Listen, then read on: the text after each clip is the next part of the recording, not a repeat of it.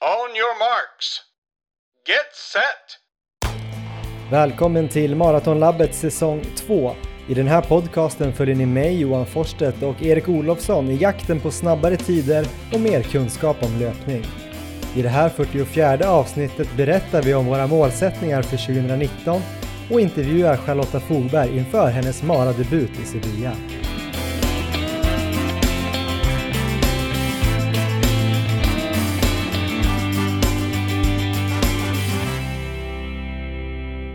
Hej och varmt välkomna ska ni vara till den nya säsongen av Maratonlabbet, eh, podden där vi lär oss fantastiskt mycket om löpning och ha kul tillsammans, eller hur Erik Olofsson? Ja, precis så är det. Och du är med i år igen. Det är jag. Eh, Och jag, Johan Forstedt, är också med i år igen. Det stämmer. kul. ja, Varför ändra på ett vinnande koncept tänkte vi.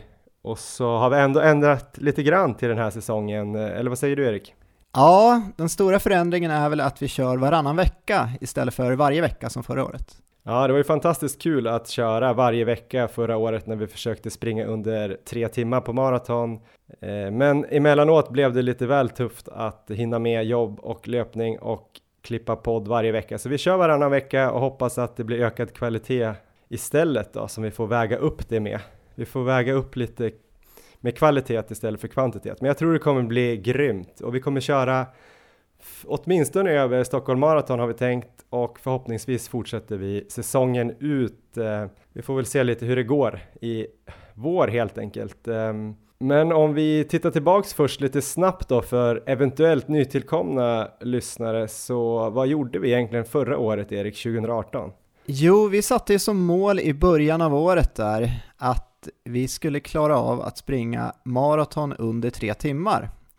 Och eh, då, när vi började så låg vi väl båda runt eh, 3 och eh, 13 sådär. Mm. på, som personliga rekord. Så att det var ju en bit ner till tre timmar och sen så var det ju en lång resa under hela det året att lära oss vad vi skulle göra rätt för att klara av det här målet. Och det var ju väldigt många misslyckanden på vägen ehm, innan vi i slutet av året lyckades med målet. Ja men precis, och vi lärde oss ju väldigt mycket i podcasten eh, om vad vi behövde tänka på. Vi hade ju inslag eller intervjuer om eh, löpteknik, pulszoner, energiintag, kost på lång sikt, styrka, ja, skadeförebyggande och eh, allt möjligt gott och blandat. Vi hade ju flera intervjuer om eh, hur man lägger upp träningen i specifika perioder och sådär.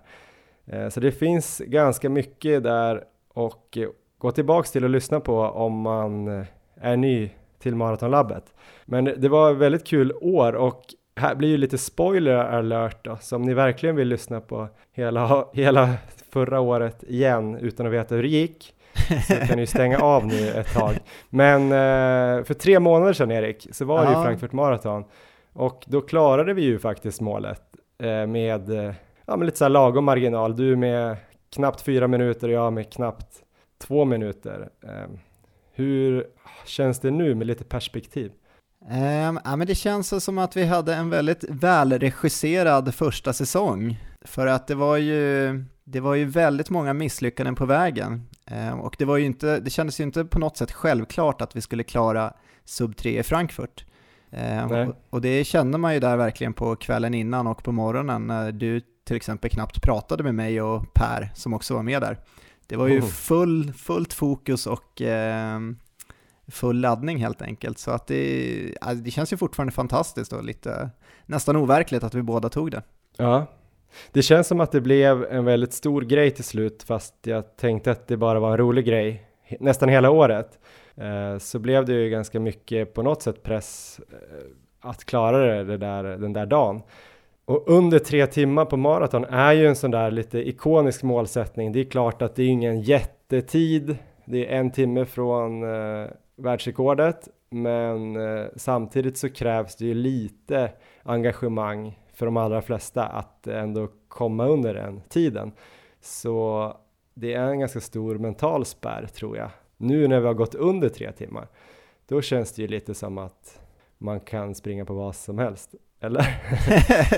ja, vi får väl, jag vet inte om jag ska dra det så långt i alla fall, men eh, Jag kände ju framförallt i Frankfurt att eh, hela året, vi hade ju lärt oss så oerhört mycket. Eh, om man jämför till exempel med min första mara som var i Madrid i april, där, där jag sprang i badshorts och käkade godis längs vägen, så hände det ju mm. en hel del under året som gjorde att, eh, att förutsättningarna var ju mycket bättre i Frankfurt såklart.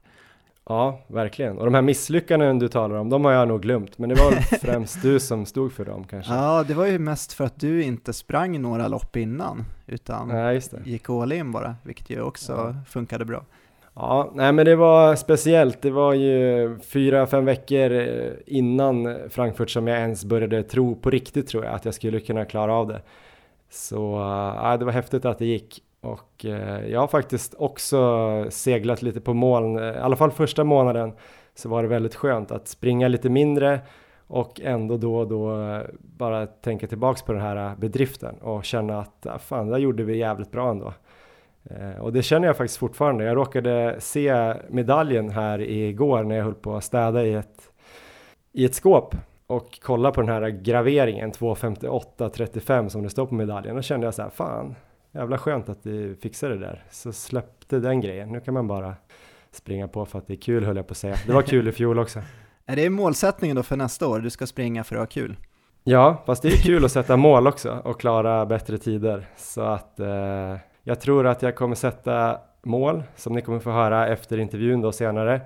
Eh, men kanske inte att jag kommer känna mig lite pressad att springa om jag inte tycker att det är kul. Men jag, som sagt, jag drivs ju också av att sätta mål och förbättra mig själv. Så än så länge kommer det nog vara tidsmål framöver. Sen när jag blir riktig gubbe så kanske jag får lägga ner det. Ja, och förra säsongen drevs ju av ett tydligt mål mot eh, sub 3 och den här säsongen kommer också drivas av lite olika målsättningar för dig och för mig Erik och det kommer vi snacka om lite senare i programmet. Då kommer vi också lite snabbt gå igenom vad vi har gjort sen sist, eh, om det har blivit någon träning här i november, december, januari. Men först ska vi rivstarta den här säsongen med en intervju som vi är väldigt stolta över att kunna presentera här för er. Det är alltså en intervju med Charlotta Fogberg 3000 meter hinderspecialisten som om bara drygt två veckor gör sin maratondebut i Sevilla. Det är en otroligt eh, spännande start, eller vad säger du Erik? Ja, men det här ska bli jätteintressant att följa och eh, jag har ju följt Charlottas träning lite på Instagram bland annat och hon verkar vara i toppslagen för den här starten så att det ska bli kul att följa. Så jag tänker bara att ni kan luta er tillbaks eller fortsätta springa ert långpass och ha lite överseende med att eh, ljudet är från en eh, telefonlina. Hon är i Sydafrika fortfarande på eh, träningsläger och eh, så bara suger ni in allt Charlotta Fogberg har att säga. Intervjun kommer här. On your marks. Get set! Charlotta Fogberg, välkommen till Maratonlabbet. Otroligt kul att ha dig med. Tack så jättemycket, det var roligt. Du är just nu i Sydafrika och förbereder dig för ett maraton i Sevilla som går av stapeln om två och en halv vecka. Har träningen gått bra där nere? Min träning eh, har gått väldigt bra här nere och även inför lägret. Det, allt flyter på som det ska göra. Spännande. Det kommer bli en liten cliffhanger. Vi kommer snacka mer om maratonträningen lite senare i intervjun. Men jag tänkte först bara börja bakifrån lite grann. Din löparkarriär har ju alltid, i alla fall för mig, förknippats med 3000 meter hinder.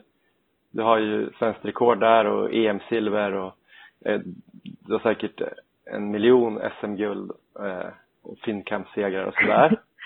Eh, ja. Men inför i fjol, inför 2018 så bytte du lite distans. Du sprang 5000 och 10 000 på EM och eh, du sprang väl inom citationstecken bara SM och Finnkampen på 3000 meter hinder. Hur, hur tänkte du inför 2018?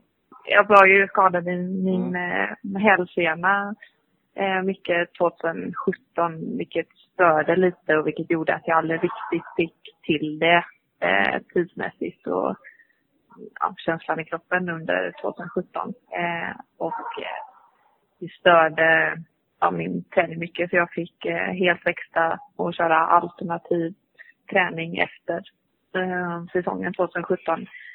Eh, vilket gjorde att det blev mer kondition, eh, ja, mer inriktat på eh, uthållighet och eh, kunde inte göra så mycket snabba moment.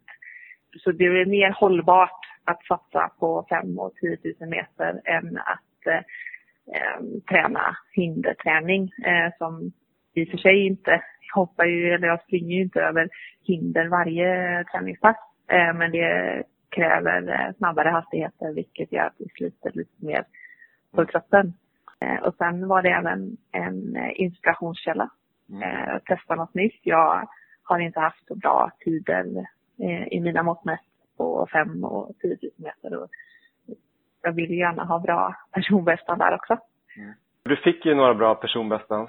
Eller jag tycker de är bra. Du, jag vet inte om du är nöjd med dem. 32, 34 på milen och 15.23 eh, på 5000 förra året. Eh, ja. Hur nöjd är du med de tiderna först och främst? Ja, men jag är väldigt nöjd att jag kunde gå ner på de tiderna. Sen jag är en tävlingsmänniska och vill, när jag märkte att jag gjorde det ganska lätt så, eh, så, så vet jag att jag kan ju springa fortare. Ja. Jag tror att 32-34 är från finkampen. Mm. Startade jag 100 meter på 27 sekunder. Det är Oj. väldigt långsamt för mm. mig. eh, och där jag inte, där sprang jag för ett lag eh, och inte för att jag själv skulle få bästa tiden som möjligt. Även om under, det är så många varv så efter halva så upptäcker vi ju att ja, men det här går väldigt bra. Så jag fick köra med finskan eh, en längre tid. Eh, och sen så fick jag tecken på att nu, nu får du köra fort du vill. Mm. så då, då kickade jag ju. Eh, så jag vet ju att jag kan springa mycket fortare på, på 10 000 meter och även på 5 eftersom det var ett väldigt bekvämt lopp och det kändes långsamt mm. större delen av det loppet. Mm. Spännande. Men hur ändrade mm. du träningen från 2017 till 2018 då? Om du ville jobba lite mer uthållighetsmässigt? Var det stora skillnader? Eh, det är inte jättestora skillnader uthållighetsmässigt på 3000 meter hinder eh, till 5-10 för att det krävs mer uthållighet för att för att eh, springa hinder för att du bryter din rytm hela tiden. Du, har aldrig, du får inte det flowet som du får i slätlöpning. Eh, vi ändrade inte jättemycket men det vi ändrade till var ju att jag sprang ju en halvmaraton i april.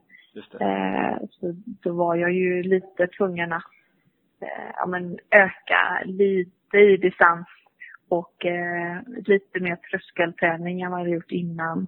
Eh, inte lika många eh, intervallpass. Eh, men läng liksom, intervallerna blev lite längre. Mm.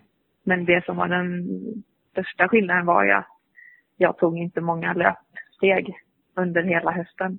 Ja, det. Utan det var först i december eh, inför halvmaran då som jag sprang fyra mil i veckan. Okay. Och sen först i, först i januari som jag kom upp i eh, max nio mil. Men det som är fördelen med när man är medel framförallt långdistanslöpare är ju att hjärta och lungor inte vet vad, vilken konditionsform jag gör. Så jag gjorde väldigt mycket alternativ träning. Eh, och det fick ju mitt hjärta och mina lungor att jobba. Mm. Men sen hade jag ju inte sprungit så mycket inför halvmaran. När du, gjorde, när du kör alternativ träning, gör du den i alla olika liksom pulszoner eller intensitetszoner eller Kör du liksom eh, distans på alternativt sätt eller är det mer eh, för att göra riktigt hårt jobb för hjärtat? Eh, vanligtvis, som nu, så har jag ju nästan till alltid två alternativa pass i veckan men det är bara eh, lungträning, bara distans. Mm. Men eh, hösten, förra hösten så, så var det ju alla former eftersom jag inte kunde springa. Men hur mycket kunde du springa sen då? Du gjorde ju en jättesnabb halvmara i alla fall, tycker jag det var snabbt. 1.11.58, det var ju svenskt årsbästa i fjol. Så hur kunde du springa mer sen framåt, det var slutet av april. Eh, du sa 9 mil i januari, ökade du upp ännu mer i volymen eller låg du kvar där någonstans? Eh, men jag kom upp eh, i cirka 11 mil, 10, 11 säg eh, tre, fyra veckor innan. Men sen eh, drar man ner lite på det för att mm. jag skulle bli fräsch i kroppen. Så eh, det var kanske en eller två veckor som jag kom upp i den löpvolymen. innan halvmaran. Och sen kvalitetspass. Jag gjorde två löp, jag tror det var två eller tre löpkvalitetspass. På riktiga men hårda intervaller inför, inför halvmaran. Sen var det mycket ja, mer tröskel då för att vi inte ville lägga för hård belastning på hälsenan för att jag inte hade kört så mycket eh, löpning. De här eh, som du kallar kvalitet då, de hårda intervallpassen, vad sprang du där då inför Italien när du väl sprang dem? Mm, ja, det sista passet var, tror jag, fem gånger eh, en mile. Och mm. de tror jag låg ungefär på fem, 5.20, 5.25 kanske. Ja. Om jag minns rätt. Men eh, det kändes inte alls bra det passet. okay. Men det som sagt, det går, eh, kan gå bra då. Man, eh, det, bara för att något känns segt innan så behöver det inte gå dåligt på tävlingen. Och eh, när du kör tröskelpass då? Hur långa distanser kör du då eller kör du uppdelat intervaller? Eh, det är väldigt olika. Min eh, eh, tränare Johan Wettergren är väldigt duktig på att variera träningen. I och med det så är jag väldigt flexibel på eh, olika minuter, olika kilometer eftersom det är min träning normalt. Och det kan vara allt från trösklar på eh, en kilometer eller kanske bara tre minuter. Det är ungefär, ungefär lika där. Upp till, ja men som jag har haft nu då, 14 kilometer i, i ett streck. Så det varierar väldigt mycket men eh, inför maraton nu så är det ju mer ihållande ja. eh, tröskelpass. Alltså 8 kilometer är ganska, väldigt, 8 till 10 kilometer är vanligt för mig eh, att köra ihållande eller uppdelat på tröskel. På din nivå då, eller nu när, hur många gånger i veckan kör du tröskelträning? Eh, nu varierar det mellan två till fyra pass i mm. veckan. Mm. Max i enstaka fall fyra, men det är väl oftast liksom tre. Jag har sett också att du har gjort en sån här dubbeltröskel, eller vad det kanske kallas, att man kör ett tröskelpass på morgonen ett på eftermiddagen, kvällen. Eh, hur ofta har du gjort det och vad tycker du om det? Nej men det är ju något nytt och det är alltid, jag är alltid lika in, eh, när man överraskad när man har på eh, med löpning över, över 20 år att eh, jag fortfarande får göra nya saker. Så det, ja, men det är bara roligt att se hur jag eh, reagerar på det och det har gått jättebra. Mm. Eh, ofta så har jag ju en ihållande eh, tröskel på morgonen som 8 kilometer och sen så kanske jag gör 10 gånger en, en kilometer eller 7 gånger eh, 1400 meter på eftermiddagen. Det är mentalt lättare att ha det uppdelat på eftermiddagen. Och jag håller, när jag har dubbeltröskel då, då har jag ofta tröskel eh, runt 4 millimol i laktat. Många som gör eh, dubbeltröskel kanske har lite lägre på ena passet men det kan också bero på att det, det är olika distanser och att de kör det oftare, eh, dubbel, eh, dubbeltröskel än vad jag gör. Hur ofta mäter ni laktat under träningen och sådär? Jag mäter inte eh, laktat så ofta. Eh, väldigt sällan. Eh, jag har gjort tester så jag vet ungefär vad min puls ska vara. Mm. Eh, och jag vet att jag måste sänka pulsen lite när jag är på höjd för att eh, annars så sticker laktatet ja. iväg för högt.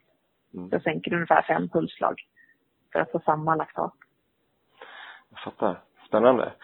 Jag tänker en sista mm. fråga innan vi går in bara på maraton. Nu är vi inne lite på maratonträningen här också. Men, men inför det här ja. bra loppet i, i Italien där, i Stresa tror jag det heter.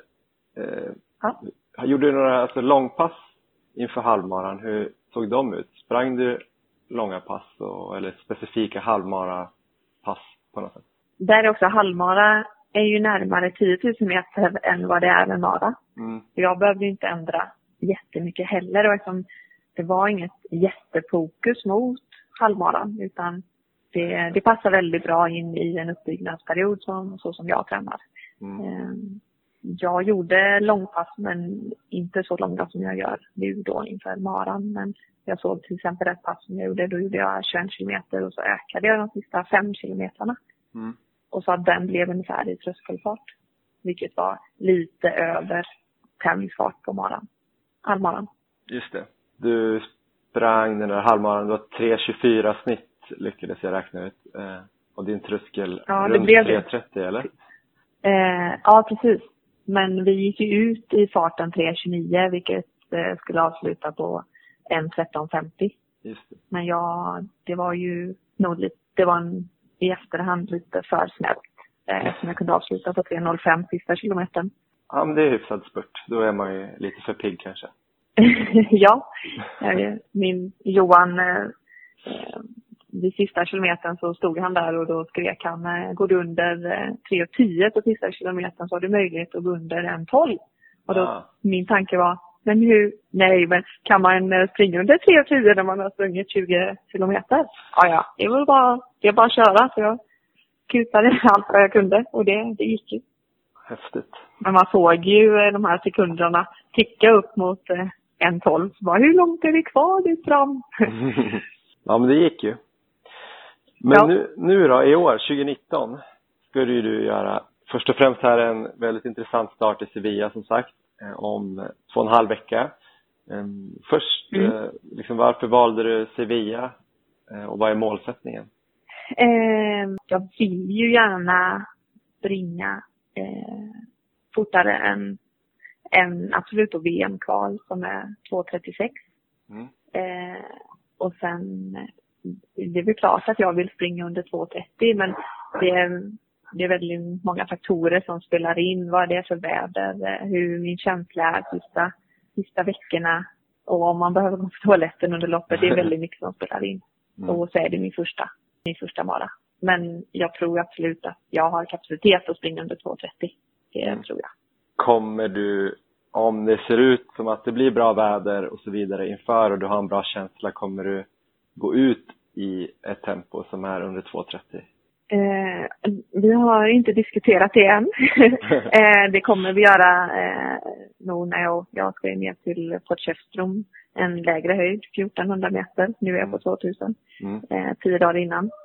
Och se hur det känns då och det, veckan innan som vi lägger en, en ungefärlig plan. Men eh, den, det kommer ju vara en fart som i alla fall eh, blir ett VM-kval. Kommer det vara. Ja. Mm. Då tänker jag att jag måste fråga hur planen ser ut för 2019. Avgörs det ganska mycket i Sevilla eller? Om du ska satsa på Ja, maraton vidare eller? Ja. Men berätta lite hur du tänker. Eh, jag tänker inte alls hur det går där. eh, nu är det fullt fokus på maraton och eh, vi har eh, inga direkta planer vad jag vet eh, efter. Sen är det klart vad jag tänker på. Hmm, om det går bra, vill jag springa maraton eller vill jag förbättra mig ytterligare på de andra sträckorna? Är jag klar med de andra sträckorna? Men sen bara för att jag väljer maraton så kan jag ju fortfarande tävla på, på 10 och 5. Sen kan det bli lite svårare att eh, och även springa väldigt bra på 3000 meter hinder Mm. om jag väljer maraton. Det är en svår, svår, svåra distanser att eh, dubbla på. Men VM i maraton lockar lika mycket som VM på 10 000 till exempel just nu? Mm, det vet jag inte. Nej? eh, nej, men springer jag otroligt bra på, på maraton eh, och jag gillar det. Så det är ju klart att, eh, att det är en stor inspiration och ja, men, ja, men, då kommer jag säkert vilja det. Men sen, jag har en förkärlek till 30 meter hinder och jag, Ja. jag vet att jag kan springa fortare. Jag är väldigt hel och frisk nu och är klokare och smartare än vad jag varit innan. Så ja, vi får se. Men tror du till och med att all uthållighetsträning nu kan göra dig ännu bättre på 3000 meter hinder eller är det mer att du börjar tappa snabbhet?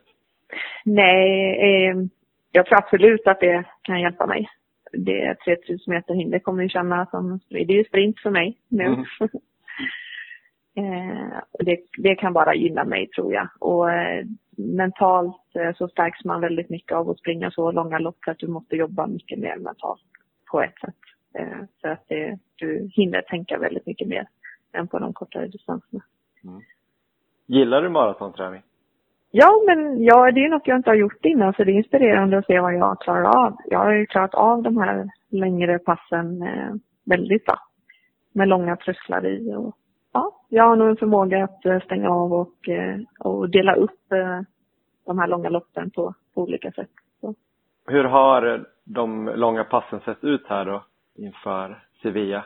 Hur långa har de längsta passen varit och är det alltid insprängt tröskel eller fartökningar eller ibland Mm. bara långa sjok? Sen vanligtvis så har jag ju långpass och de brukar ligga mellan, säg 21 och 25 kilometer. Eh, men nu i och med maran och eh, säg runt eh, terräng SM-perioden så det var då vi började fokusera mer på, på maraton och mitt första långpass, eller sånt långpass som det står i mitt eh, träningsprogram, så var det 28 kilometer med 2 gånger 4 kilometer tröskel insprängt. Eh, och då är det ju ofta att jag, ja men säg att jag springer 8 eh, kilometer och så en tröskel på 4, kanske 2 till 4 kilometer jogg däremellan och sen 4 kilometer tröskel och sen så joggar jag ner det som jag har kvar då. Mm. Och då har vi stegrat från 28 till 32 till 34 till 38 och nu i, igår sprang jag 32 igen. Mm. Och då har det varit både uppdelade tröskel, eh, då första gången 2 gånger 4 och sen eh, 2 gånger 6 och sen ihållande um, 14 kilometer plus att fick en bonus med sen när Johan då tyckte att jag såg så pigg ut så ja, nu fick jag springa sista kilometern i tröskelfart också när jag sprang 38 kilometer. Men en trevlig liten överraskning där. Mm. och sen eh, igår hade jag 10 kilometer tröskel. Men det 38 kilometers passet var alltså inkluderat 15 kilometer i, i tröskelfart? Ja. Ja, och det var det längsta, hårdaste passet? Eller ja, hårdaste, men längsta i alla fall? Ja. Ja, längsta. Ja, men det var det, det är nog det hårdaste också eftersom jag befinner mig, ja då var det ungefär på 1900 meter över havet. Och det var 30 eh, grader varmt ungefär. Oj. Så det var mycket som påverkade. Men ändå sprang jag väldigt bra. Testade du då också in, energiintag och sådär på samma sätt som du ska göra på loppet? Ja, men jag har gjort, jag har väl gjort små light eh, kolhydratladdningar för att se vad som passar mig att äta eh, inför lopp och sen så har jag försökt maxa. Jag har nästan försökt att få mig att knäcka lite eller testa magen. Mm. Och häller i mig eh, väldigt mycket ja, men liquid och gel och sportdryck för att se ifall min mage eh, och kroppen kan hantera det.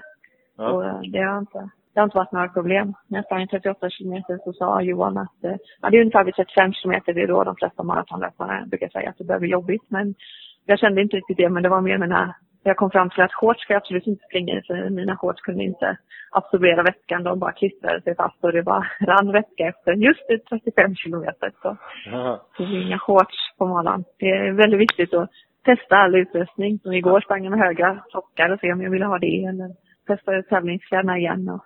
Men eh, nu vet du ju inte riktigt exakt eh, vad du kommer gå ut i för fart eller vad du kommer ha för mål på Sevilla. Men förutom det där passet då, 38 kilometer, har du något specifikt pass där du, som du liksom har testat lite grann, din fysiska status? Att du liksom vet att det här borde jag kunna fixa? Har du gjort några sådana marafartsintervaller eller liknande?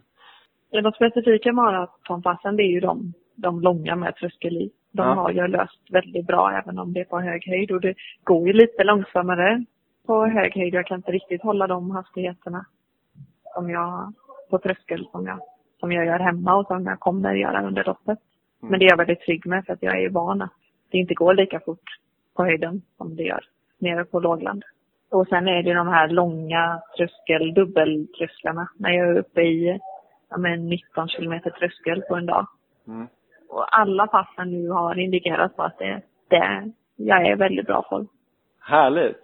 Jag njuter och att man är hel och frisk och det gäller att träna smart och lyssna på kroppen och återhämta sig och äta rätt och det, ja. På tal om det då, vad har du legat nu då när du har satsat på maraton i volym är något som alla löpare pratar om, hur mycket man springer varje vecka. Hur har det sett ut för dig? Eh, vi har inte ökat så mycket, eh, om vi ens har ökat, säger jag.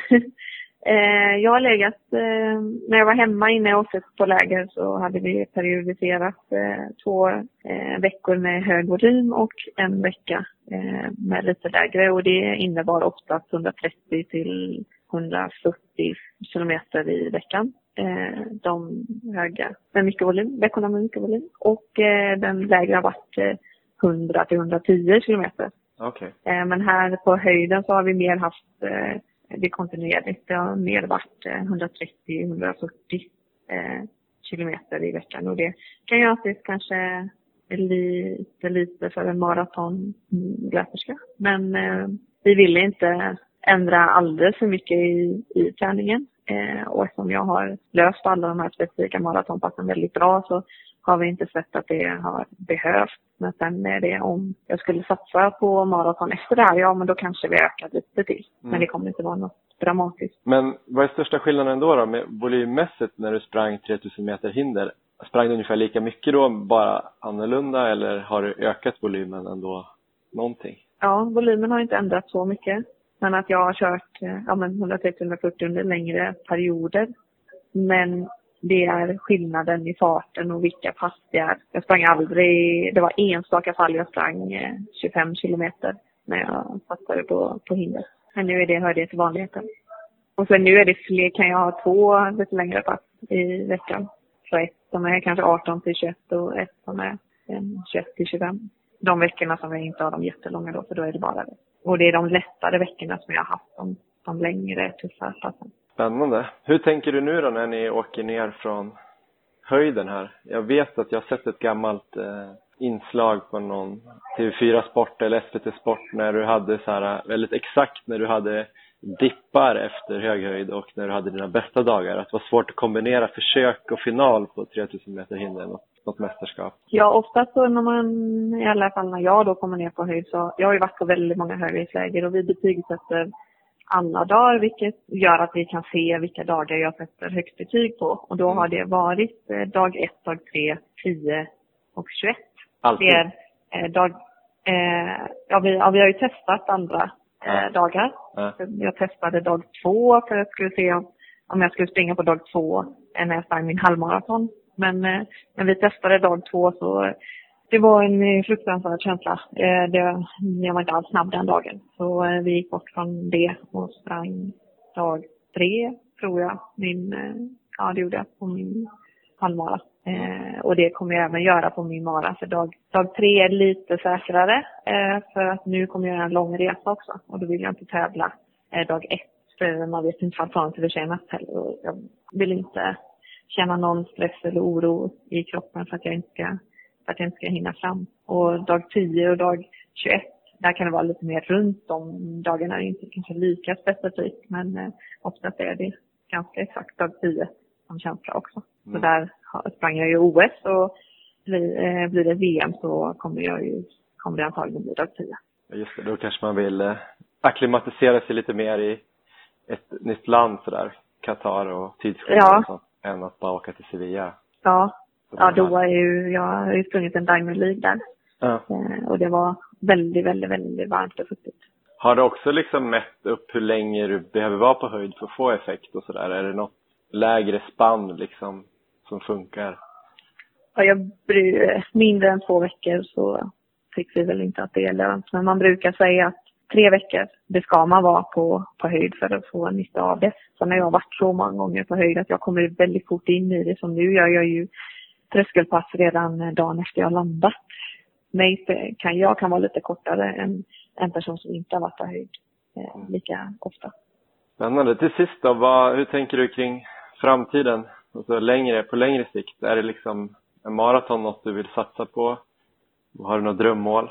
Eh, jag har inte sprungit en maraton än, eh, så jag har väldigt svårt att säga att jag kommer springa det. Men eh, springer jag superbra så, så, så kommer det ju bli väldigt kul och inspirerande och eh, eh, det känns som att då, det kanske är mitt kall att springa lite längre. Mm. Eh, och jag kommer absolut satsa mot VM och, eh, och OS. Eh, och sen får vi då ja, se vilken distans det blir.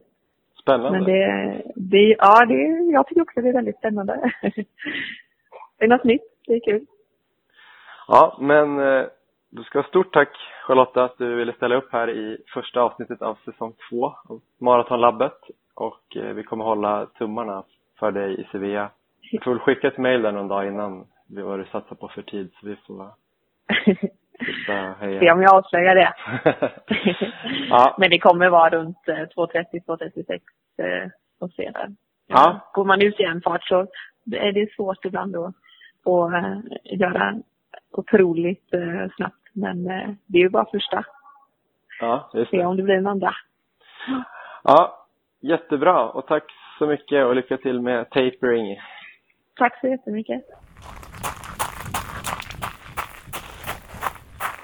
Ja, det där var alltså en intervju med Charlotta Fogberg som just nu befinner sig i Sydafrika. En alldeles färsk intervju direkt efter hennes sista långpass inför maratondebuten i Sevilla.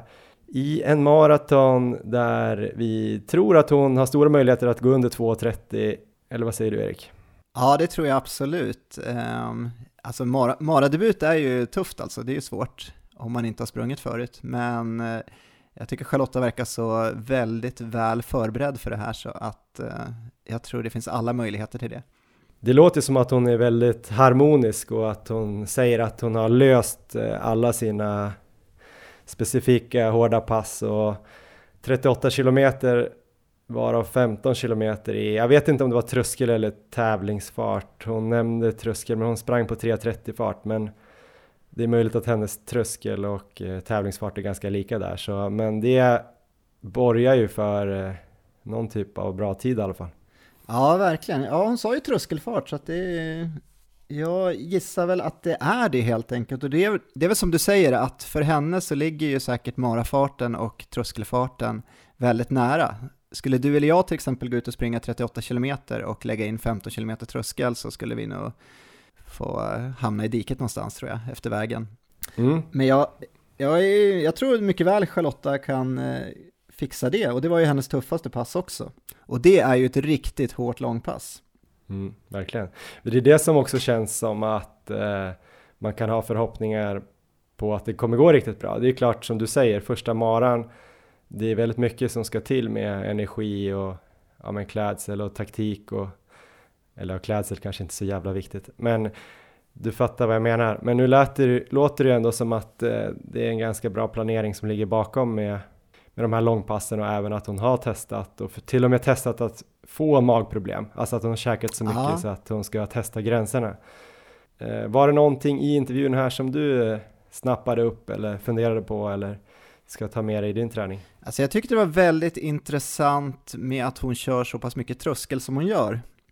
Hon Mm. pratade bland annat om fyra stycken tröskelpass eh, i veckan då. Det var som mest då fyra stycken, men det, är ju, det låter ju väldigt mycket. Men Mm. samtidigt då om man räknar till exempel dubbeltröskel som två pass Ja, det tror jag. och eh, ett långpass med tröskel inlagt så då börjar det bli, låta helt rimligt. Ehm, Men det, det är ju riktigt, riktigt tuff träning helt enkelt.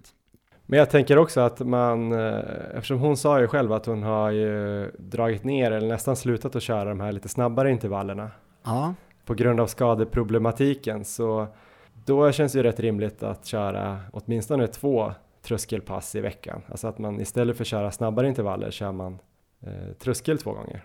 Och, och två var ju det minsta hon körde. Och sen som du säger, om man lägger in det i långpasset så är det ju väl, ja men som sagt hyfsat rimligt att få till tre. absolut. Men det är, jag tycker det är intressant om man jämför med hur vi tränade inför Frankfurt till exempel, där vi kör mycket i marafart. Och där verkar ju Charlotta inte ha sprungit speciellt mycket, utan hennes träning här inför har ju legat med fokus egentligen på tröskel, så lite snabbare helt enkelt. Nu kanske då för henne skiljer mindre mellan marafart och tröskel än vad det gör för oss, men eh, ändå är det ett annorlunda upplägg. Mm. Ehm, som, eh, som jag tycker låter väldigt intressant. Kommer du köra mer tröskel eller? Ehm, ja, jag kommer nog kombinera det här lite, att jag kommer köra, jag kommer definitivt fortsätta med marafart, marafartsintervaller och eh, ehm, långa sträckor med marafart, men jag kommer också ha tröskelträning, så kanske någon slags mellanväg, där jag kommer Mm. köra kanske ett tröskelpass och ett marafartspass eh, i veckan då, i den specifika perioden inför maraton. Ja, vi får väl se också vad det blir för målsättningar för oss. Så man får väl se om man kommer springa någon marafart eller inte. Ja. Men var det något mer du tänkte på då? Ja. Jag tänkte också på att eh, det är spännande det här med att volymen fortfarande är förhållandevis låg. Ja, ehm, ja nu har- är hon ju uppe i ganska bra volym, men eh, inför halvmaran till exempel, det var ju intressant uppladdning där med alternativträning under hösten och sen definitivt en ganska låg volym inför det Mm. loppet. Och sen så springa på 1.11.58. Det är ju otroligt imponerande, men det är väl mycket talang och eh, mycket träning under tidigare år som kan möjliggöra en sådan tid. Verkligen. Ehm, jag skulle också vilja tillägga där för de som inte har så bra koll på kanske milefart och hon pratade om 5,20 per mile eh, i intervjun och det är alltså 3,19 per kilometer. Så mm. cirka 33,08 på milen eller 1.09.56 på halvmaran. Ehm, så att eh, väldigt bra tempo.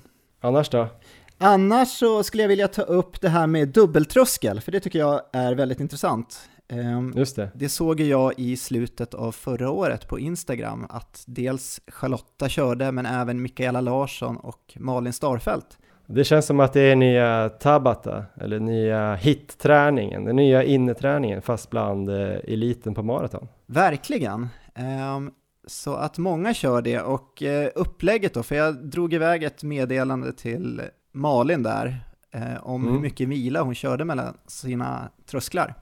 Hon hade väl provat, tror jag, fyra timmar först, vilket kändes lite lite för henne, så nu låg hon på om det var fem eller sex timmar tror jag mellan passen och det tyckte hon hade fungerat väldigt bra. Men hela konceptet verkar vara i alla fall att köra ett tröskelpass på morgonen, vila under dagen och sen köra ett till tröskelpass på kvällen. Ja, och det här tyckte jag lät så pass intressant att det här har jag börjat jobba med i min träning nu. Mm. Ehm, så jag har väl kört det här en fyra gånger nu tror jag. Och eh, det känns, alltså det känns som ett riktigt bra och roligt upplägg och ett bra sätt att få in mer fart, mer, mer tröskelfart helt enkelt under samma dag. Vad tror du framförallt att det ger då? Um, ja, men det är väl just det att uh, du kan få in uh, längre distans i tröskel. För sen efter, efter ett pass med tröskel då behöver man ju ändå återhämta sig en del, ett par dagar kanske, två lugnare dagar med återhämtning. Mm. Um, och skulle jag köra till exempel ett block, bara ett pass med tröskel, om jag då inte skulle lägga det i intervallform, då skulle det vara väldigt svårt att komma upp i mer än till exempel 10 km tror jag. Um, men på det här sättet då så kan man få in betydligt fler kilometer utan att eh, riskera att köra slut på kroppen helt. Jag har känt mig väldigt så här, återhämtad på eftermiddagspasset faktiskt. Ofta har den eh, tröskel då del två helt enkelt känts bättre än vad det gjort på förmiddagen. Mm. Så det har liksom inte känts att man går in där sliten på något sätt eh, på den andra tröskeln. Men vad tror du om det här upplägget? För att vi har egentligen inte fått några sådana här vetenskapliga analyser av det och eh, vilka risker och fördelar det finns. Det här kan man ju verkligen gå in och analysera djupare. Men jag tror att det kan vara ett bra sätt att just som du säger överbelasta med tröskel, att få in många kilometer på en dag på ett mer skonsamt sätt. Som eh, Charlotta Fogberg sa att hon hade gjort 19 kilometer totalt en dag med om det var 8-9 på förmiddagen och eh, 10 på eftermiddagen i intervallform så kanske det är ett sätt att, plus att de där andra tröskeln blir lite mer utmanande med lite tunga ben även om man hinner eh, återhämta sig. Sen vet jag inte om man har så här mycket tid att träna varför det skulle vara så mycket bättre att göra det på samma dag. Men det är väl just det att man chockar kroppen lite på ett skonsammare sätt. Ja, men det här, det här tycker jag vi forskar vidare på Johan och eh, jag kommer definitivt fortsätta med de här passen för de har känts, eh, känts toppen. Mm. För jag menar, om man inte har då den möjligheten att träna två pass per dag, det kommer ändå gå en timme per gång minst inklusive uppvärmning och dusch och sådär, lite mer kanske, så kan jag väl också tänka mig att man kör eh, tröskel eh, 10-12 kilometer måndag och sen 10-12 tröskel eh, torsdag. Så får man ju ändå i, i sig ganska mycket tröskel på en vecka. Och kanske man då dessutom lägger in lite på långpasset så här, ja men då är man ju uppe på tre pass ändå så att säga i veckan om man då inte kanske kör hårda intervaller eller snabba intervaller den veckan. Så tror jag ändå att det är ett rimligt upplägg. Ja, beror, man får ju se lite kanske vilket behov man har också. Sen så, jag gissar att det är många av våra lyssnare som kanske, kanske bara har lördag och söndag när de har mycket tid till att springa och då kanske många mm. prioriterar ett långpass. Eh, annars vore det ju bra att lägga in ett, eh, en dubbeltröskel då, kanske lördag eller söndag, men det går ju inte att köra långpass en av de dagarna och dubbeltröskel den andra dagen, det blir ju för tufft.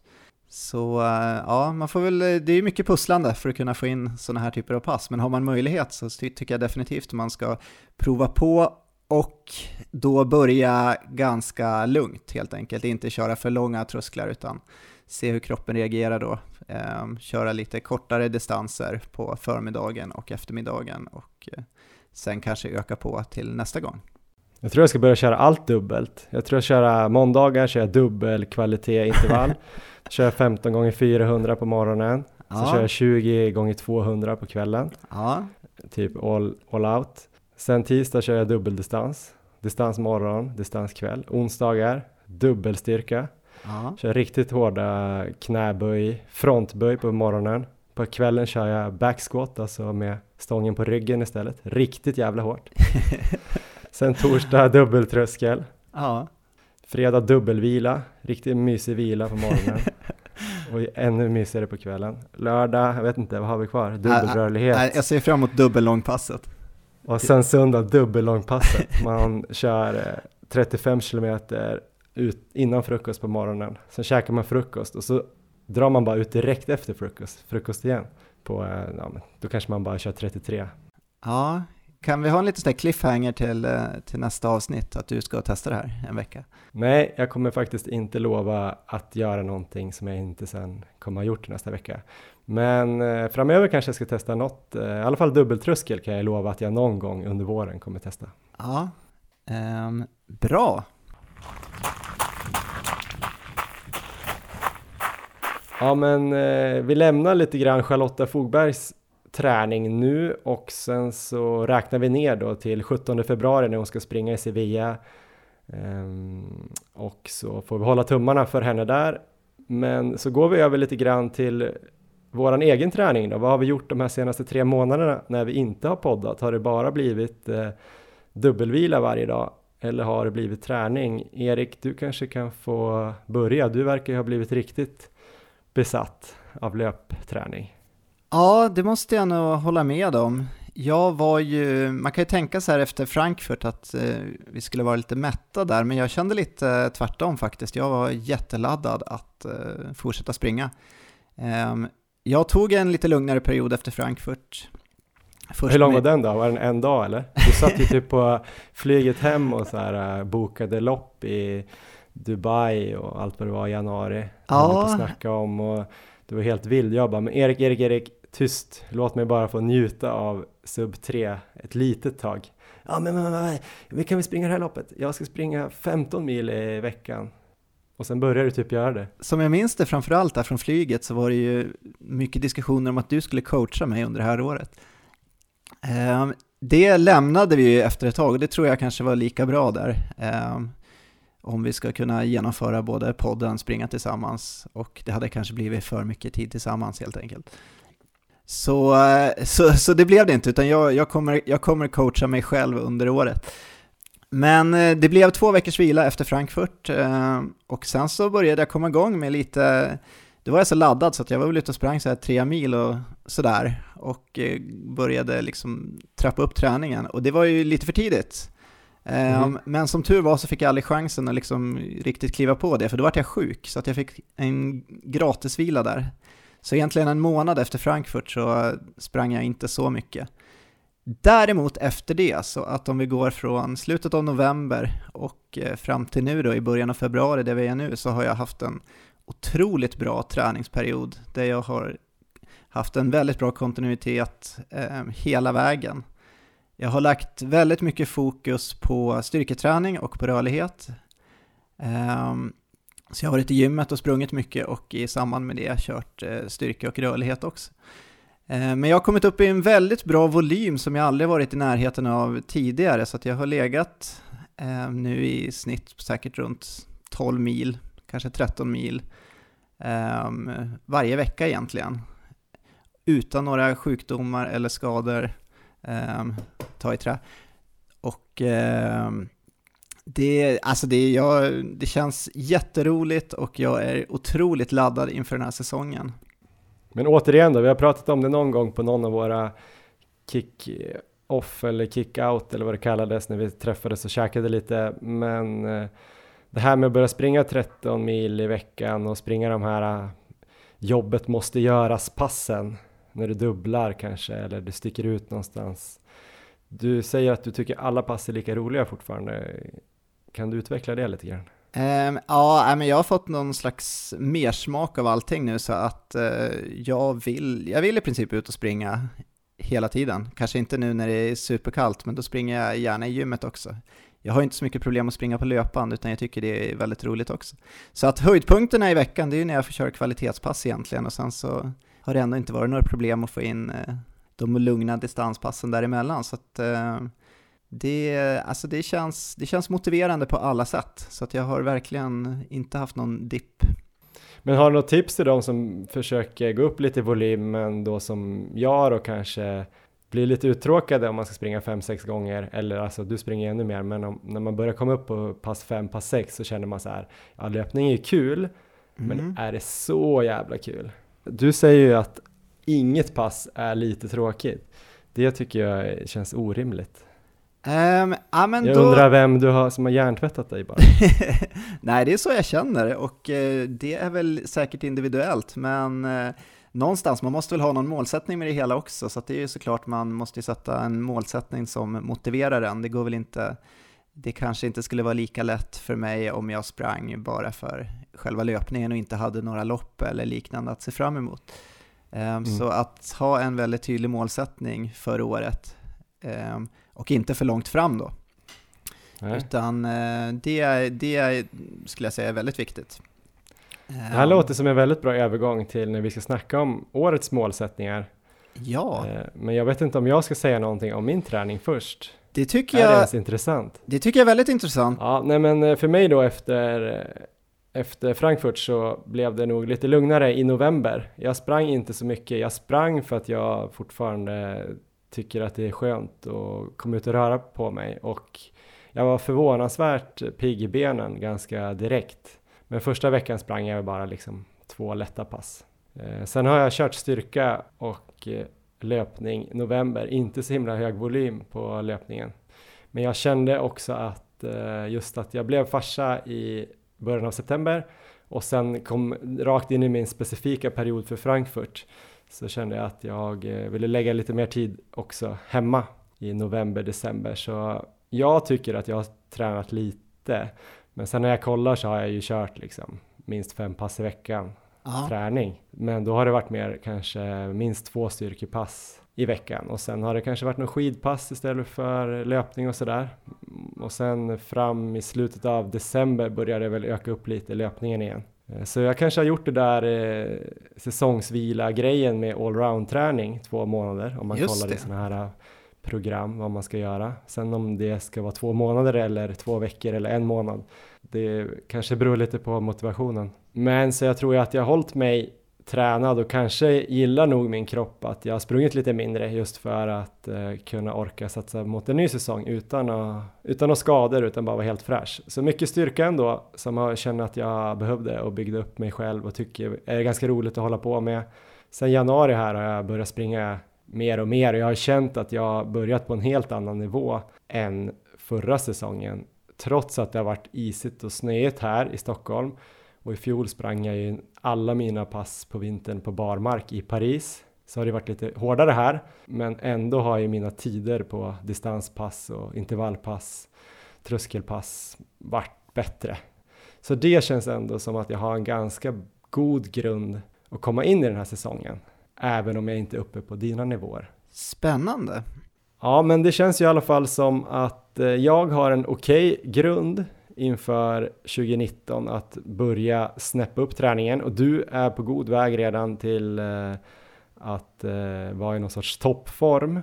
Vad kommer vi satsa på för mål i år då? Det blir ju inte sub 3 för det känns ju tråkigt om vi inte skulle öka distansen då och köra 50 kilometer sub 3. Ja. Vilket låter ganska hårt. Men eh, Erik Olofsson, vi börjar kanske med eh, Ska vi börja med dig nu? Jag tror det. Ja, jag känner så här. Jag har ju, hade ju mina tankar redan på flyget hem, även om inte jag ville prata så mycket om det då. Jag tror jag nämnde det för dig, men jag ville slå bort det och försöka njuta av den här, den här eh, euforin av att ha sprungit sub 3 och klarat av det här målet. Men jag har känt lite grann att jag har tyckt tidigare att maratonträning var ganska tråkig. Alltså att det är lite för mycket pass i för låga hastigheter, för jag är ju lite mer att jag gillar att springa fort. Just det. Och sen har jag haft det här med krampen som också gör att jag känner inte att min kropp är en långdistanskropp. Men jag började ju gilla maratonträningen på slutet. Det kändes som min kropp löste alla gåtor på något sätt. Alltså jag började, den började fatta vad som krävdes för att springa så långt. Och nu börjar jag ju snacka som att jag ska satsa på maraton. Blir det ultra till och med? Är det, det blir ett steg upp? Ultra? Nej, det blir halv maraton. Just det. Spännande va Erik? Det lät ju inte som att du var så jätteexalterad över att sätta ett mål på halvmaraton. Jag kommer att i vår springa en halvmaraton under en timme och 20 minuter. Alltså sub 80 på halvmaran innan sommaren. Det är mitt mål. Mycket bra mål. Um, och det är ett tufft mål, för ditt pers nu ligger på? 1.22.54 sprang jag på i Madrid i fjol. Och eh, så det är tre minuter som ska kapas av på det. Så jag tror att det blir ett tufft men rimligt mål för mig den här våren att satsa på. Och jag känner att halvmaraton är lite mer av eh, min distans på så sätt att eh, ja, men det är fortfarande en utmaning att hålla fart så länge som 21 kilometer, men man kan springa på om man har en bra dag i rätt höga hastigheter. Så ja, det ska bli kul att försöka testa på det och jag tror att många som lyssnar också satsar på halvmaraton. Det är en, eh, det är en rolig distans tycker jag. Just det, så det kommer bli ett nytt litet inslag här i, i maratonlabbet, även halvmaratonträning. Ja, och istället för att eh, starta en ny podd som också heter Halvmaratonlabbet så tänker vi att halvmaraton det faller nog in under, under maraton för det är ändå någonting med maraton att göra. Så det blir kul. Så jag håller på att uh, fila på mitt program för mig själv och uh, ja, vi får se exakt vilken halvmara det blir här i, i vår, men det blir någon, någon gång i, i maj skulle jag tro. Vad tror du om det då? Tror du att jag kommer klara det Erik? Eh, det tror jag, för att eh, jag vet ju att du sprang väldigt bra i Madrid och det var ju en väldigt tuff halvmara. Väldigt mm. kuperat. Samtidigt är ju du otroligt bra i kuperad terräng såg jag uppe i fjällen här i förra sommaren bland annat, så att du kanske, det kanske är då du springer som bäst. Men på en flack halvmara med bra träning inför så, så tror jag det finns alla möjligheter. Jag vet inte riktigt hur hårt det är, jag har bara tänkt att det ska jag väl kunna fixa. Men eh, det kanske är, är, är snabbt. Men, 3.48 eh, snackar vi ungefär i snitttempo va? Ja, precis. Och det slog mig häromdagen att jag ju faktiskt inte ens har gjort en miltid i livet i de farterna. Just det. så på så sätt så blir det ju ändå en hård utmaning. Ja, men det är inte klart med vilket, vilken halvmara du kör? Ja, men jag håller lite på det. Jag ja. tror att jag kommer ha det klart här eh, nästa avsnitt om två veckor.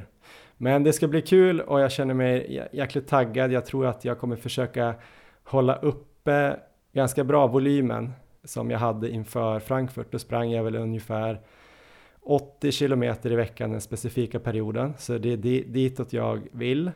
Och eh, jag tror inte det kommer bli så stor skillnad. Det kommer bli mer eh, tröskel såklart eftersom jag kommer eh, ligga mycket närmare min tröskelfart på halvmaraton. Halvmaraton och 10 kilometer är ju mer likt då som distans än halvmaraton och maraton egentligen.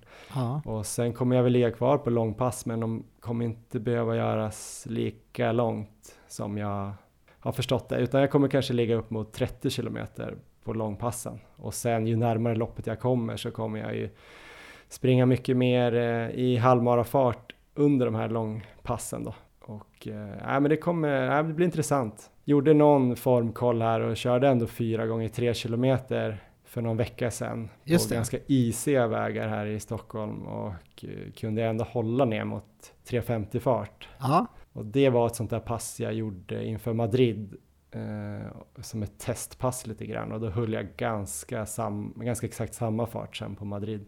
Någon sekund snabbare faktiskt till och med i Madrid. Så uh, det känns ju lovande att jag är där redan nu. Så håller jag mig frisk och motiverad så då kan det nog gå fort där i maj. Sen tänkte jag att, eh, jag vet ju förra året så var det ett annat lopp du pratade väldigt mycket om men som du aldrig fick springa.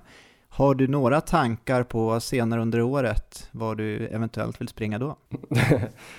ja, nej men eh, så kommer det bli att jag kommer springa Lidingöloppet i höst. Det är nog det loppet som har knäckt mig flest gånger. Jag tror nästan aldrig jag har missat en, eh, ett, eh, en målsättning i något annat lopp, typ. Alltså det här säger jag inte för att vara kaxig, det kanske är för att jag har låga målsättningar. Men just ute på Lidingö har jag alltid eh, blivit uppstoppad av kramp någonstans eh, sista milen. Eh, så det ska bli jävligt spännande att få sätta tänderna i den utmaningen och så springa lite mer kuperat och i skogen. Men eh, det försöker jag lägga lite åt sidan just nu, utan det kommer bli en helhjärtad halvmaratonsatsning där jag kanske kommer springa lite millopp här i vår också. För Just jag det. tror det hör ihop ganska bra med halvmaraträningen. Så jag hoppas jag kan fila lite på mitt milpers också. Ja. Och så få upp en ganska hög, bra fart och sen eh, någon gång där i juni så kommer jag ställa om till att springa mycket mer kuperat och mycket backar och alltså tröskelpass ute på Lidingöspåret och ja, men det kommer bli det kommer också bli mäktigt, men jag tänker att jag får ta en sak i taget lite Just det. Men Maratonlabbet kommer nu eventuellt innehålla både halvmaraträning och eh, terrängträning helt enkelt. Ja, och så blir det ju säkert eh, en och annan eh, fokusvecka på 10 kilometer, även om inte jag kommer ha ett långt program som går mot ett 10 km lopp. Men det kommer bli lite av det, lite av det mesta höll jag på att säga. Just det. Har du några andra målsättningar som du vill slänga ut här? 10 km kanske, eller någon annan distans som du bara smäller av på vägen? Ja, spännande. Målsättning på Lidingöloppet kommer jag ju släppa om det blir en fortsättning här efter i, i sommar på, i podden. Eh, men miltider här i vår så tror jag att eh, Ja, men vi kanske ska resonera oss fram. Vad tror du Erik? Jag tänker ju så här att jag sprang på 38.04 i Sickla i Ja. fjol. Då var jag nedtränad inför, alltså jag var mitt i specifika perioden för Frankfurt. Jag hade inte släppt upp, jag vilade dagen innan bara, men jag körde ett hårt pass på fredagen och sprang på söndagen. Eh, det var ganska kuperat. Jag tror att jag kanske hade en minut minst i mig till där. Så men mitt första steg blir väl att gå under 37 helt enkelt. Ja, Men det är möjligt att det kommer krävas lite mer för att klara 1.20 på halvmaraton också om man kollar i så här tabeller. Så jag har väl någon dröm att komma under 36.30 ja. på Det, något lopp här innan sommaren. Ehm, Jag vet inte, vad tror du? eh, det skiljer sig så mycket från eh, lopp till lopp där, märkte jag ju förra Mm. året. Så att, eh, säg att du hittar ett av de snabbare loppen. Jag vet inte riktigt hur din halvmara kommer ligga nu, men till exempel sprang jag varvet milen i Uppsala förra året, den är ju jättesnabb. Just det. Ehm, Så ehm, om du har möjlighet att köra den, kör den så tror jag att du fixar 36,5. Mm. Absolut. Kör du premiärmilen tror jag blir lite tuffare till exempel. Men de två loppen ligger nog ganska bra i min eh, träningsperiod tror jag. Som, men kanske inte lopp där jag kommer toppa upp totalt. I alla fall inte premiärmilen. Men däremot är jag lite sugen på den där varvet-milen. Så får se om jag kanske lättar upp den veckan och försöker göra ett bra lopp där. Nej men det ska bli spännande. Men eh, vi säger väl det. Vi säger fan en, under 1.20 på halvmaraton och så under 36,5 på milen.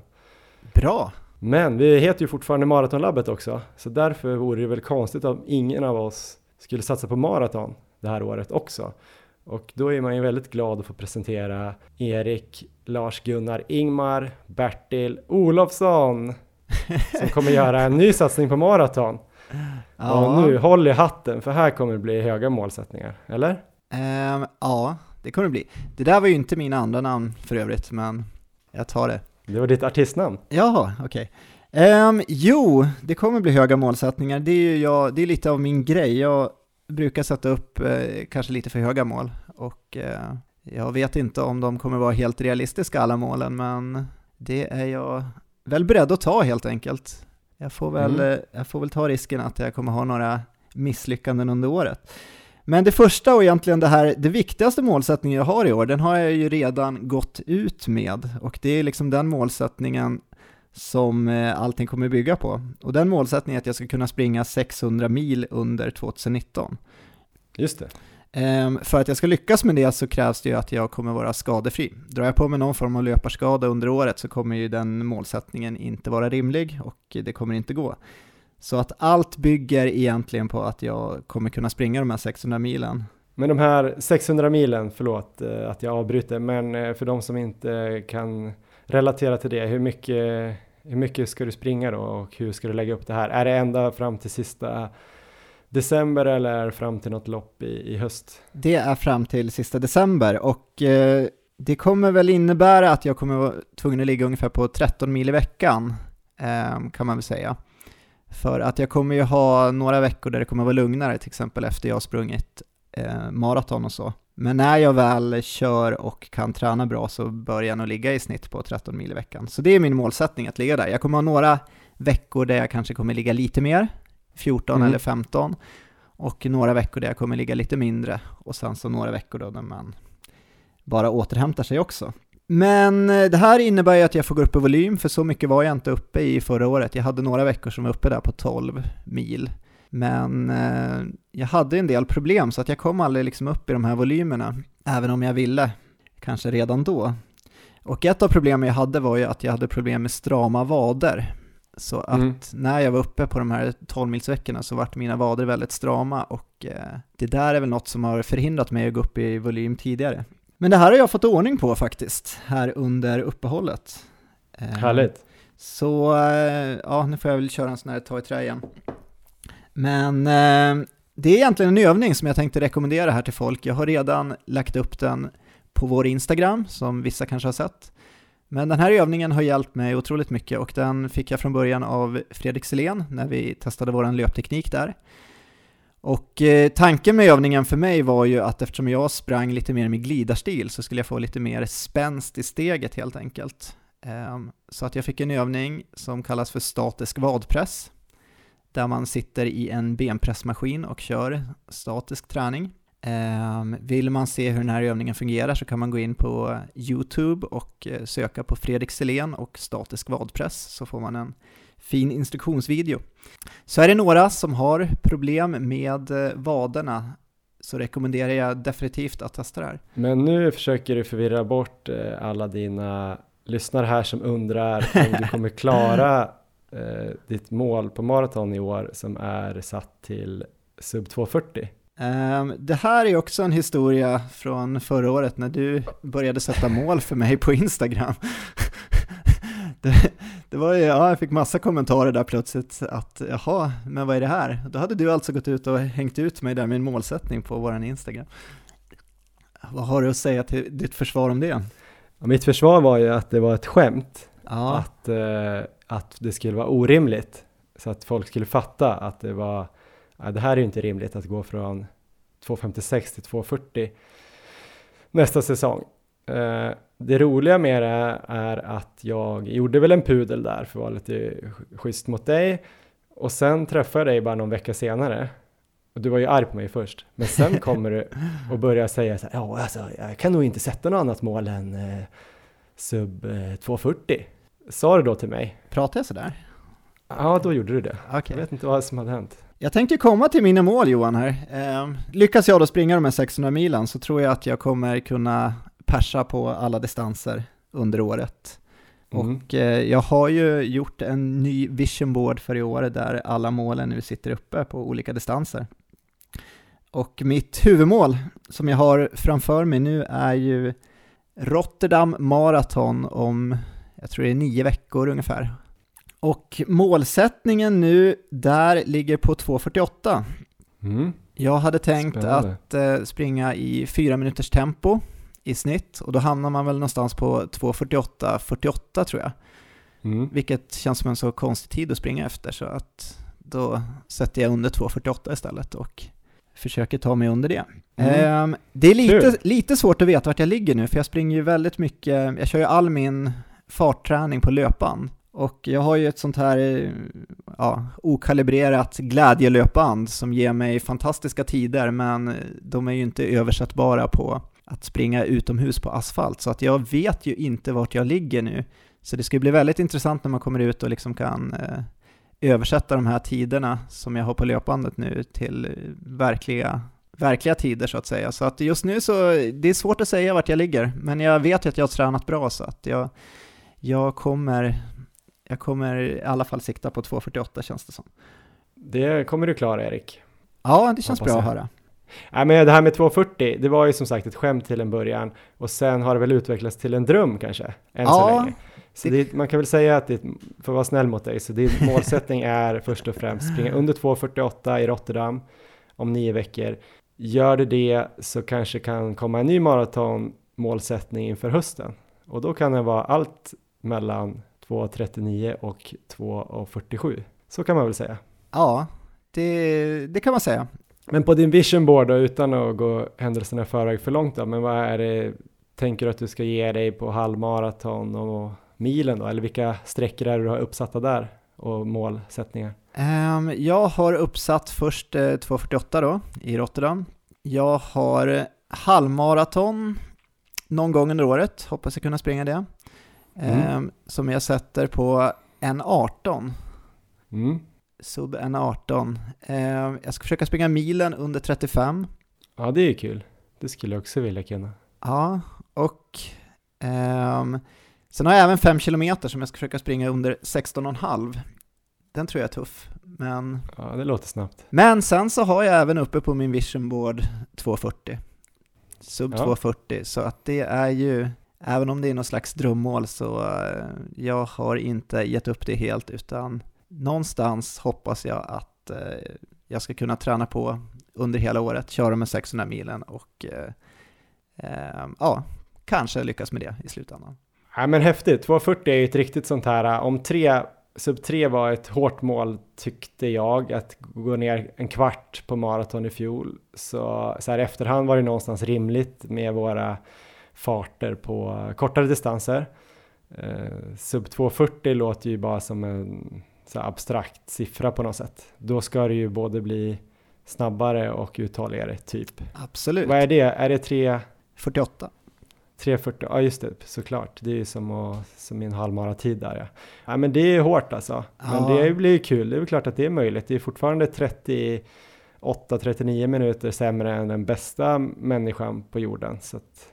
Jag vill ju lägga till bara att eh, allt, alla mina målsättningar bygger ju på att jag då kan hålla mig skadefri och jag är väldigt skadeparanoid nu så att jag försöker tänka på det hela tiden nu när jag ligger på den här volymen och tränar som jag gör att jag eh, inte drar på mig någonting. Så att eh, kommer det någon form av skada då får jag väl börja ändra på alla målen då och göra dem mer rimliga. Ja men det blir spännande, det är väl bra med höga mål. Kul för folk som lyssnar. Några skakar kanske på huvudet, tänker det här kommer inte gå. och andra ställer sig i hejaklacken och gör vågen och klappar. Så ni får välja sida där. Hoppas ja. att ni väljer hejaklacken. Det blir kul. Eh, men då för att sammanfatta då första avsnittet. Eh, vi är tillbaka. Charlotta Fogberg gör snart sub 2.30 i Sevilla. Vi finns på Instagram där vi heter Maratonlabbet. Vi finns på Strava, Johan Forstedt och Erik Olofsson. Johan Forstedt ska träna för springa halvmaraton under 1.20 i maj. Erik Olofsson 2.48 under 2.48 i Rotterdam i mars. I april, 7 eller 8 april tror jag den ligger typiskt där som gick så himla bra för mig mm -hmm. på första försöket att säga allt det där. Men med de orden så säger vi väl tack för det här eh, första avsnittet på andra säsongen. Otroligt kul att vara tillbaka och vi ses i löparspåren eller på Instagram. Och nästa avsnitt kommer alltså om två veckor.